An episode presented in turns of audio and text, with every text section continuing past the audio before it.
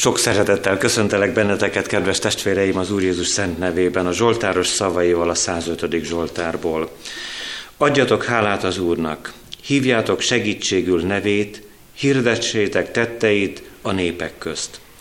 Énekeljetek, zengjetek Zsoltárt neki, emlegessétek minden csodáját, dicsőítsétek szent nevét, szívből örüljenek, akik keresik az Urat. Testvéri szeretettel köszöntjük gyülekezetünkben Szabó László lelkipásztorunkat. Egy kicsit a milyen kis, mert szolgált már ő köztünk, ezen kívül kétszer is az Újpest központi gyülekezetből érkezett hozzánk ezen a záróestén, szombatestén, és ő hirdeti ma Istennek igéjét. Köszönjük, Urunk, hogy minden, amit mondasz, igaz, és amikor megígérted, hogy velünk maradsz a világ végezetéig, akkor is igazat mondtál. Szeretnénk megköszönni neked, hogy a te egyházadat sosem hagytad egyedül, hanem te voltál az, aki megőrizted az üldöz, üldözésekben, te voltál az, aki megújítottad a sötét időszakokban, és te vagy az, aki hétről hétre, napról napra közénk jössz és hirdeted a te üzenetedet. Köszönjük, Urunk, hogy te nem fáradsz el, és nem fáraszt téged az a sok bűn és hiába valóság, amit az életünkben látsz. Köszönjük, Urunk, hogy Te mindig jössz és eleven erővel újra-újra elmondod az örömhírt. Kérünk Téged, hogy tedd meg ezt ezen a mai estén is. És arra kérünk, hogy készíts minket a veled való találkozásra, hogy igazi lelki ésség és szomjúság legyen a mi lelkünkben. Kérünk, Urunk, hogy adj nekünk figyelmet, hogy befogadhassuk a Te igédet, és kérünk, hogy ez az ige ez éljen és hasson bennünk. Kérünk, hogy hallgass minket a Te nagy nevedért. Amen. Máté evangéliumából olvasom Isten igéjét, a 19. fejezet 16. versétől a 26. versig terjedő szakaszból. És, egy, és ott egyszer oda ment hozzá egy ember, és azt mondta neki, Mester, mi jót cselekedjem, hogy elnyerjem az örök életet? Ő pedig így felelt, Miért kérdezel engem a jó felől? Senki sem jó, csak egy az Isten. Ha pedig be akarsz menni az életre, tartsd meg a parancsolatokat. De ő tovább kérdezett, melyeket? Jézus pedig azt mondta, ne ölj, ne paráználkodj, ne lopj, ne tégy hamis bizonyságot. Tiszteld atyádat és anyádat, és szerest fele barátodat, mint önmagadat. Az ifjú azt mondta, Mindezeket megtartottam. Mi fogyatkozás van még bennem? Jézus így válaszolt. Ha tökéletes akarsz lenni, menj, add el a vagyonodat, és oszd szét a szegények között, és kincsed lesz a mennyben. Azután jöjj és kövess engem. Az ifjú pedig e beszéd hallatára megszomorodva elment, mert nagy vagyona volt. Jézus pedig azt mondta tanítványainak, Bizony mondom nektek, hogy a gazdag nehezen megy be a mennyek országába. Sőt, azt mondom, könnyebb a tevének a tű fokán átmenni, mint a gazdagnak az Isten országába bejutni. A tanítványok ennek hallatán nagyon megdöbbentek, és azt kérdezték, akkor kicsoda üdvözülhet? Jézus pedig rájuk tekintett, és azt mondta nekik, embereknél ez lehetetlen, de Istennél minden lehetséges. Nagyon örültem, amikor meghallottam, hogy miről lesz szó ezen a héten. Magamnak így foglaltam össze, hogy Jézus útja az emberekhez, és emberek útja Jézushoz. És jó volt látnom, hogy mennyiféle ember, mennyiféle speciális helyzetben lévő ember találkozott Jézus Krisztussal. Azért örültem ennek, mert tudom, hogy minden gyülekezetben sokféle ember van. Nagyon szomorú lenne, ha mindannyian ugyanolyanok lennénk.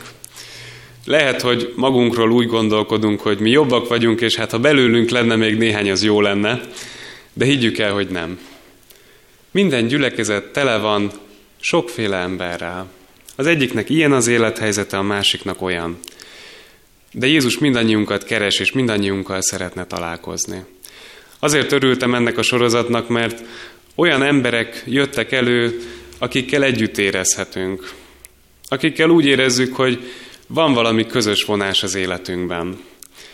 És lehet, hogy az a történet, amit vele kapcsolatban olvasunk, az segít nekünk, hogy közelebb kerülhessünk Jézushoz. Akár úgy, hogy először találkozzunk vele, akár úgy, hogy elmélyüljön a vele való kapcsolatunk. Mai este a gazdag ifjúnak a találkozásáról fogunk beszélni. A gazdag ifjú útja Jézushoz, ez ennek a mai estének a címe. És nézzük akkor meg először ennek a történetnek a főszereplőjét, ezt, a, ezt az ifjút, hogy mit is tudunk róla.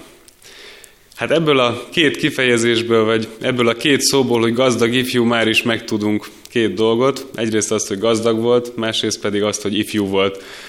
Azt hiszem nem kell egyiket sem különösebben magyarázni, mind a kettő jó dolog önmagában.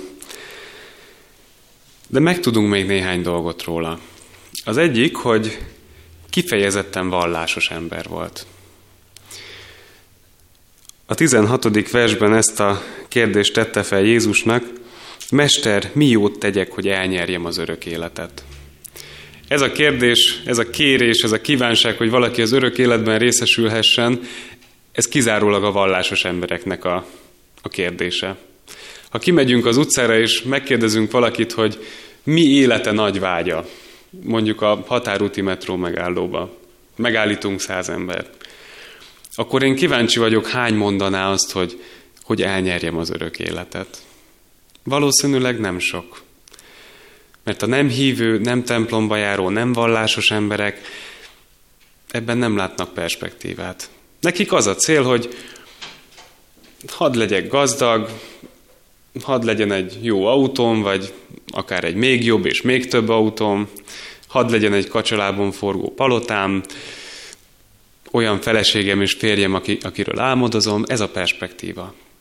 Ez egyedül a templomba járó vallásos embereknek a kérése, hogy szeretnék örök életet, mert ez az igazi kincs.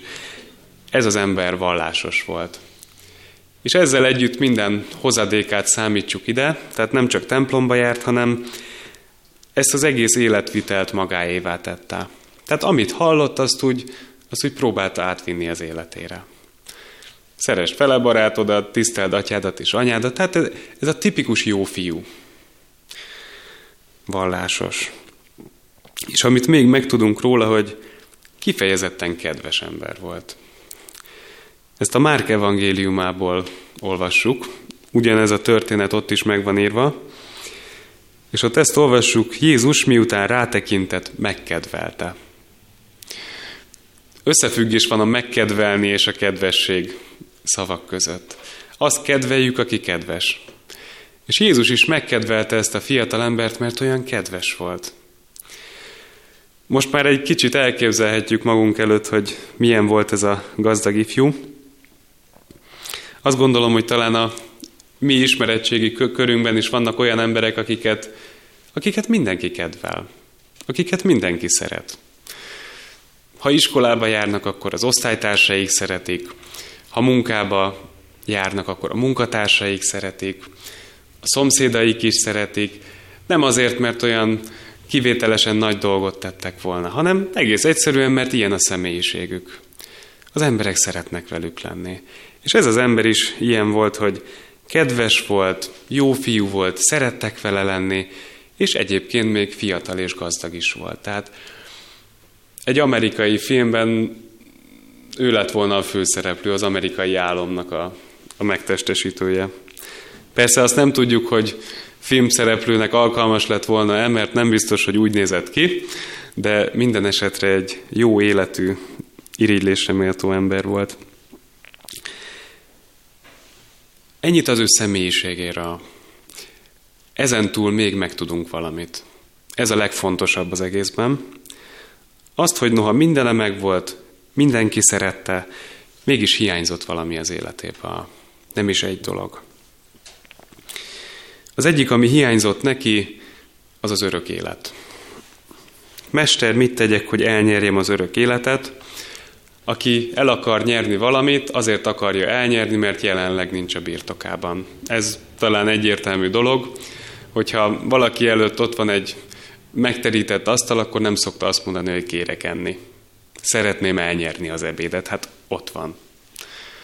Akkor kérünk enni, hogyha éhesek vagyunk, de nem látunk magunk körül semmit, nem tudunk oda nyúlni semmihez. Az akarja elnyerni az örök életet, akinek még nincs része benne. És ez a fiatalember érezte, hogy ez még nincs meg. Sok minden megvan, de ez még nincs meg. Milyen az az ember, aki bizonytalan az örök élete felől? Azt gondolom, hogy mindenek előtt olyan aggodalmaskodó. Jaj, mi lesz velem? Fél, bizonytalankodik. Nem egy kifejezetten jó lelki állapot ez, lehet, hogy egyébként minden rendben van, kék az ég, zöld a fű, fű, csicseregnek a madarak, süt a nap. Az ilyen ember számára valahogy mégis minden olyan sötét, egyhangú, szomorú. Ha nem tudom, mi lesz velem az én halálom után, van-e örök életem, akkor ez fog jellemezni engem. Ez az aggodalom, ez a szomorúság. És az is kiderül erről a fiúról, hogy nem volt megelégedve önmagával sem. Valószínűleg mindenki más meg volt vele elégedve. A szülei mindenképpen, hiszen azt olvassuk, hogy betartotta a parancsolatot, hogy tiszteld atyádat és anyádat. A szülei meg voltak vele elégedve, és valószínűleg mindenki más is. De ő magával nem volt megelégedve. Ezt kérdezte Jézustól, mi fogyatkozás van még bennem. Mások szemében ő volt a példa, de ő érezte, hogy ez egy lufi. Lehet, hogy engem nagynak látnak, de én üres vagyok belőle. Megtartom a törvényeket, mindent megteszek, ami elő van írva. De érzem, hogy ez nem elég. Ha oda kellene állnom Isten elé, akkor nem húzhatnám ki magam, nem nézhetnék fel rá, ott kellene szégyenkeznem előtte. Tehát nem volt örök élete, és nem volt megelégedve önmagával sem. Hadd kérdezzem meg, hogy ismerőse ez, a, ez az élethelyzet. A jelenlévők persze mindig kivételek, és általában a református emberek is kivételek, hiszen tudjuk, hogy a református ember az úgy megy templomba, hogy nekem örök életem van, és én meg vagyok elégedve magammal. Ugye? Mindannyian ebben a bizonyosságban és ezzel az önbizalommal éljük az életünket. De hát, ha mégis egy valaki akad közöttünk, aki nem az legyen őszinte magával, és vallja be, hogy hasonló cipőben jár, mint ez a gazdag ifjú. Ez az ember kereste a megoldást az életére. Nem Jézus volt az első, akihez oda ment. Fiatal volt, de én biztos vagyok benne, hogy nagyon sokat gondolkozott már azon, hogy mit lehet ezzel a helyzettel csinálni. Hát, hogyha valakinek baja van, akkor az gondolkozik, jó esetben. Van, aki nem, bocsánat, visszavonom az előbbi tételemet, nem mindenki gondolkozik. De egy normális ember gondolkozik. Hogyan lehet változtatni ezen a helyzeten? És ez a fiú kitalált valamit, azt találta ki, hogy tesz valami nagyot, és ezzel megoldódik az élete. Kicsit a középkori lovagok jutottak eszembe. Szent György fogja magát, elmegy, megvív a sárkányjal, és akkor utána ő már lesz valaki. Most már felnéznek rá. Hát ez a fiú is, hát nyilván nem ilyen romantikusan, de arra gondolt, hogy teszek valami kivételesen nagyot, és akkor végre elnyerem az örök életet, és végre büszke lehetek magamra. Mester, mi jót tegyek? Én mi jót tegyek, mivel járuljak hozzá ehhez az egészhez? Olyan, mintha ezt mondta volna, a törvények betartása nem elég, de talán majd Jézus elmondja nekem, hogy mi az, amit meg kell tennem. Mi az, ami elég lesz majd. Nekem az a tapasztalatom, hogy minden ember ösztönösen így gondolkozik. Valamit nekem kell tennem, és akkor lesznek jók a dolgok. Eljárok templomba minden vasárnap, lehetőleg csütörtökön és minden más alkalmon is ott leszek, fizetek persejpénzt bőven, egyház fenntartói járulékot, átkísérem a vakokat a kereszteződésen, akkor is, ha nem akarják. Ez a poén helye volt. Elmegyek homokzsákot pakolni, iszapot lapátolni, ha ezzel segítek valakinek. Virágot adok a feleségemnek hetente, megfőzöm a férjem kedvenc ételét hetente. Olyan kivételes dolgokat fogok végrehajtani. És ez majd megoldja az életemet. Szimpatikus gondolat, nem? Hiszen valahogy úgy érezzük, hogy akkor erősek vagyunk, hogyha mindezt mi megtehetjük, és ez elég. Hát nézzük, mit mondott Jézus ennek az ifjúnak. Mit tegyem? Ha tökéletes akarsz lenni, menj el, add el vagyonodat, oszd szét a szegényeknek, és kincsed lesz a mennyben. Aztán jöjj és kövess engem. Itt a megoldás. Szimpatikus, ugye? Akkor akinek van egy lakása, az adja el, akinek van egy autója, adja el, menjen el az első hajléktalanig, na jó, ne, ne egynek adja oda az összes pénzt, hanem keressen néhányat és ossza szét. És akkor ott az örök élet. Ilyen egyszerű lenne a dolog? Nem hiszem, hogy ezt jelenti Jézus szava. Ez az ifjú azt állította, hogy minden parancsolatot megtartott. Megtartotta azt, hogy tiszteld atyádat és anyádat, ne ölj, ne paráznák, hogy ne lopj, ne hazudj, ne kívánd, ami a másé, szerest fele barátodat. Kell lennél több? Én ezt mind megtartottam, tökéletes vagyok. Ezt is lehetne mondani. Nem ilyen egyértelműen, mert ilyet nem mond egy ember magáról. De, de mégis ez a lényege, én tökéletes vagyok. Megtartottam mindent. És Jézus egy kis csavarral a tíz parancsolatból elővesz egy parancsolatot. Méghozzá a legelsőt. Emlékszünk rá, hogy hogy szól a legelső parancsolat? Én az Úr vagyok a te Istened, aki kihoztalak téged Egyiptomból a szolgaság házából, ne legyen más Istened rajtam kívül. Így szól az első parancsolat. Azok a parancsolatok, amiket idéztem, azok is a tíz parancsolatból vannak, de ez az első. Ne legyen más Isten, Istened rajtam kívül. Amikor Jézus azt mondta, hogy menj el és add el a vagyonodat, akkor erre utalt vissza. Minden emberben, amikor megszületik, egy csomó Isten van jelen. Leggyakrabban a pénzistene, a vagyonistene. Hát melyikünk ne álmodozott volna már valaha arról, hogy megnyeri az ötös lottót? Van valaki, aki erről nem álmodozott? Bátran kezeket fel, nagyon kíváncsi vagyok. Senki, ugye? Egy. Nagyon jó. Annál több esélyünk volt nekünk többieknek, akik, akik játszottunk. A pénz az, az nagy úr.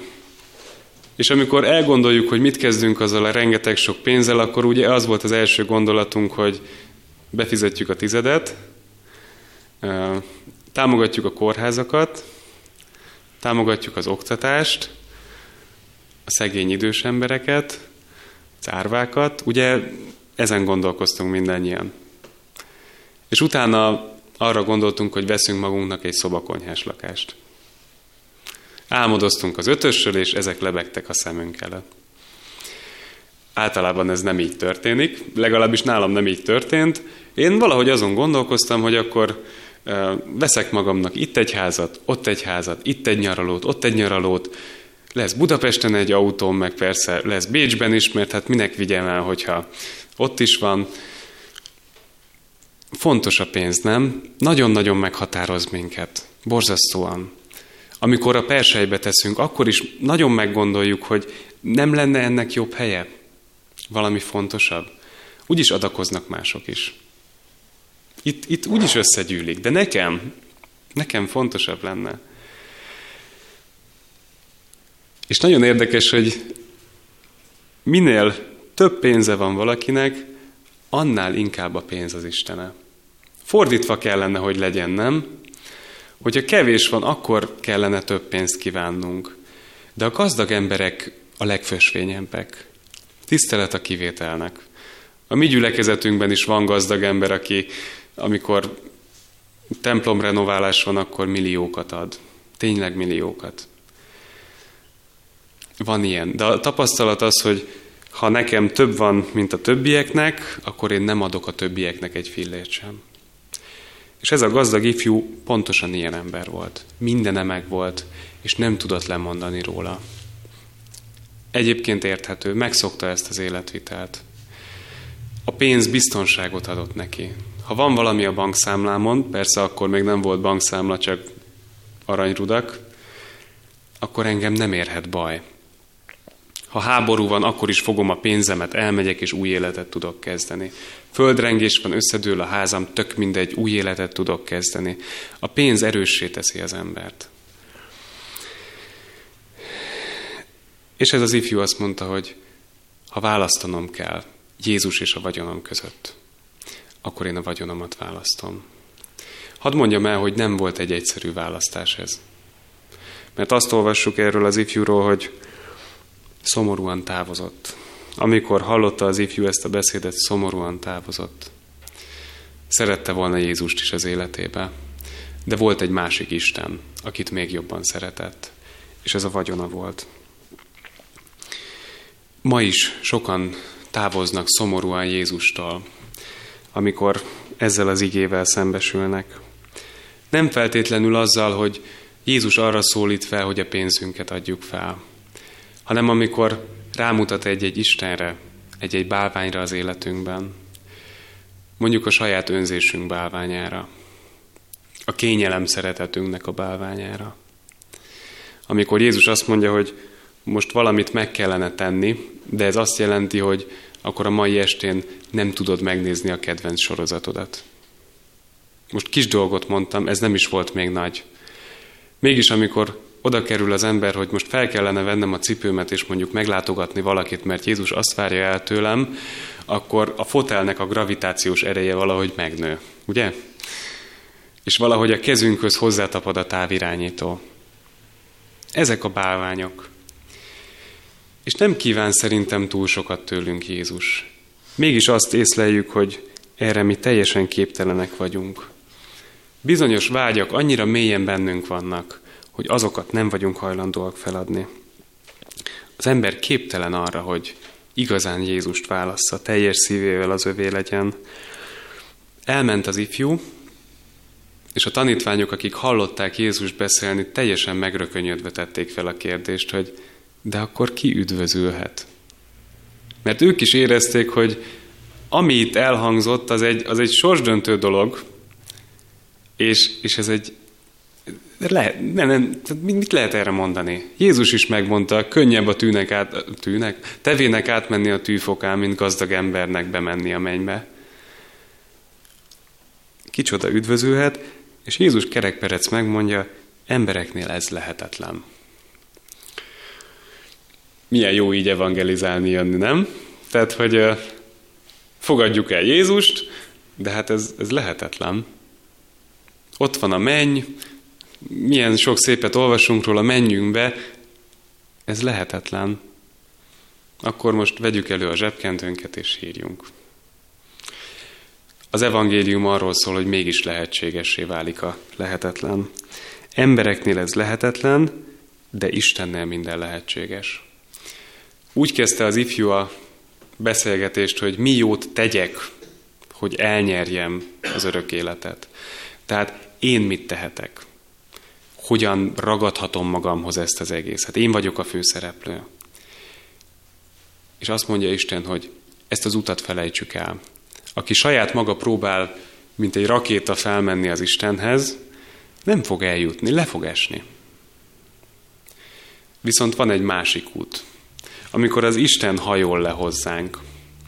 Az üdvösséget, az örök életet nem lehet megszerezni, de ajándékba lehet kapni. Ez az evangélium lényege. Pála az efezusiaknak ezt írta, hiszen kegyelemből van üdvösségetek a hit által, és ez nem tőletek van, Isten ajándéka ez. Karácsony felé közeledünk, minden az ajándékozásról szól. Isten is megajándékozott minket, Jézus Krisztussal. Nem volt ő szépen becsomagolva, nem volt ő olyan, hogy mentek volna az emberek és kívánták volna az ő közelségét, mégis ő Isten legnagyobb ajándéka. Ez a karácsony lényege. Isten megajándékozott minket. Krisztusban eljött az üdvösség, az örök élet. És ezt át lehet venni. Nem kell érte semmi extrát csinálni, nem kell megvívni a sárkányjal, mint Szent Györgynek. Egyszerűen át kell venni. Ez olyan egyszerű, hogy nem is tudom, miért beszélek én már itt fél órája. És miért beszélünk mi minden vasárnap fél órát a szószéken. Át kell venni, ingyen van, Isten megajándékozott minket. Mégis azt tapasztaljuk, hogy ez nehéz. Ki az, aki szeret ingyen ajándékot átvenni? Amikor osztogatnak valamit ingyen az utcán, akkor ott sor áll, azt tudjuk. És akkor azt átvesszük. De Istentől mégsem vesszük át az üdvösséget sokszor. Miért van ez? Nekem az az elképzelésem, hogy azért, mert ez büszkeség kérdése. Hogyha Isten valamit adni akar nekem, amit én önmagamtól nem tudok kiérdemelni, akkor ez azt jelenti, hogy én rászoruló vagyok. Ki szeret rászoruló lenni? Beszéltünk már hajléktalan emberrel? Koldussal? És borzattunk meg tőle, hogy esetleg mi is oda kerülhetünk? Nagyon nem szeretnénk. Rettenetes dolog, persze. De az Isten előtt koldusok és hajléktalanok vagyunk. Nem vehetjük meg az üdvösséget, de Isten kínálja. És azért nem akarjuk átvenni, mert úgy érezzük, hogy akkor mi vagyunk a rászorulók, és mi nem akarunk rászorulók lenni. Én erősnek akarom érezni magam. Én akarok az lenni, aki még adhatok a többieknek. Ingyen van, de mégis a legnehezebb elfogadni. Nagyon nehéz. A büszkeségünknek kell meghalnia ezért. És a büszkeség nagyon sok ember előtt bezárta már a mennykapuját. A mennykapujá nyitva van. Amikor hirdetjük az igét, az evangéliumot, tárva nyitva van a mennykapujá. Be lehet lépni. És az ember büszkesége odaáll, és saját maga előtt bezárja az ajtót, és eldobja a kulcsot. Mi a fontosabb? A büszkeségünk, a bálványaink, vagy az Isten ajándéka? Ezt a kérdést akarja feltenni nekünk az ige ma este. Amikor először megláttam a sorozatot, és azt láttam, hogy ez lesz az utolsó, akkor úgy egy kicsit megrökönyödtem, miért ez az utolsó, hiszen ez olyan negatívan zárul. Sokkal jobb lett volna valami, aminek az a végkicsengése, hogy igen, találkoztam Jézussal, halleluja, ámen. És, és nem. Tehát ennek a történetnek az a vége, hogy szomorúan elment. És lehet, hogy van köztünk valaki, aki szomorúan most haza fog menni. Mert megértette az evangéliumot, megértette a feltételeket, de azt mondja, hogy én erre nem vagyok hajlandó. Jó lenne, de ekkora áldozatot nem ér meg. Annyit azért vigasztalásul hadd mondjak, hogy nem biztos, hogy itt lezárult ennek a gazdag ifjúnak az élete. Nem tudjuk a további sorsát. Most tudjuk, hogy hozott egy döntést, egy rossz döntést, és elment. De nem tudjuk, hogy mi lett vele később. Lehet, hogy később meggondolta magát. Ha arra gondolunk, hogy a tanítványok mennyit értettek Jézusból, az alatt a három év alatt, amíg vele együtt jártak, akkor jóformán azt lehet mondani, hogy semmit. Ha van köztünk tanár, akkor tudja, hogy mit jelent az, amikor évekig tanít valaki egy diákot, és, és semmi. Nagyon rossz dolog. És a tanítványok akkor kezdtek lelkileg ébredezni, amikor találkoztak a feltámadott úrral. Sőt, akkor is még akkor a zöldségeket mondtak, bocsánat, hogy így mondom. Amikor Jézus felment a mennybe, akkor megkérdezték, hogy de hát nem ebben az időben állított helyre a királyságot Izraelnek? Ez félelmetes. Ez olyan, mint hogyha egy teológiát éppen elvégző diák megkérdezni a tanárától, hogy most akkor van Isten, vagy nincs Isten? Tök fölösleges öt év volt. Ezek az emberek is megérthették volna már a lényeget, és az utolsó percben is azt látjuk, hogy nem értették. Valamivel többet értettek már, de még szinte semmit. Amikor eljött a Szentlélek, akkor értették meg. És akkor lepattogzott valami hájog a szemükről, meg a szívükről, és, a, és akkor mindent értettek. és örömmel döntöttek. Szóval nem tudjuk erről a, az ifjúról sem, hogy mi lett vele. De én nagyon remélem, hogy amikor eljött pünkös napján a Szentlélek, akkor ő is benne volt abban a három ezerben, aki, aki megkeresztelkedett, és tagja lett az első gyülekezetnek. Ezt nem tudjuk, az biztos, hogy ez ma is így működik, lehet rossz döntést hozni, akár most is. De amíg élünk, mindig van lehetőségünk arra, hogy meggondoljuk magunkat, és Jézus mellett döntsünk. Fogadjuk el az Isten ajándékát. Imádkozzunk!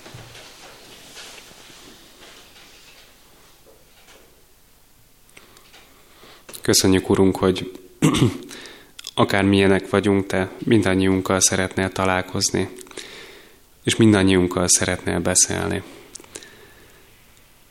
Köszönjük, Urunk, hogy amit Te kínálsz, az mindennél több. Már most ezen a földön több, hiszen Te adsz életcélt az embernek, és köszönjük, hogy amit a mi halálunk után kínálsz nekünk, az pedig igazán a teljesség, a boldog örök élet. Urunk, megvalljuk neked, hogy mi erre tényleg méltatlanok vagyunk. Lehet, hogy templomba járunk gyermekkorunk óta, de mégis méltatlanok vagyunk.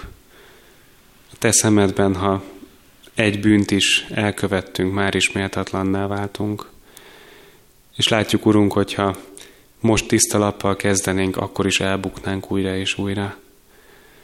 Köszönjük neked, hogy kegyelmes vagy, és te nem a mi teljesítményünktől teszed függővé, hogy ki mehet be az örök életre, vagy nem.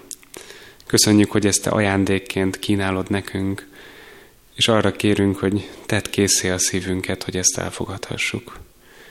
Kérünk, hogy törd meg a mi büszkeségünket. Törd meg, mert sokkal nagyobb ajándékot nyerünk általa. Kérünk, jöjj a szívünkbe, és változtasd meg az életünket. Amen. Mondjuk el együtt testvérek az Úr Jézus imádságát. Mi atyánk, ki vagy a mennyekben, szenteltessék meg a te neved.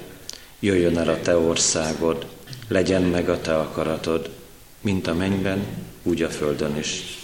Ami mindennapi kenyerünket add meg nékünk ma, és bocsásd meg a mi védkeinket, miképpen mi is megbocsátunk az ellenünk védkezőknek. És ne vigy minket kísértésbe, de szabadíts meg minket a gonosztól, mert tied az ország, a hatalom és a dicsőség mindörökké. Amen. Áldjon meg téged az Úr, és őrizzen meg téged. Ragyogtassa rád orcáját az Úr, és könyörüljön rajtad. Fordítsa feléd orcáját az Úr, és adjon neked békességet. Amen.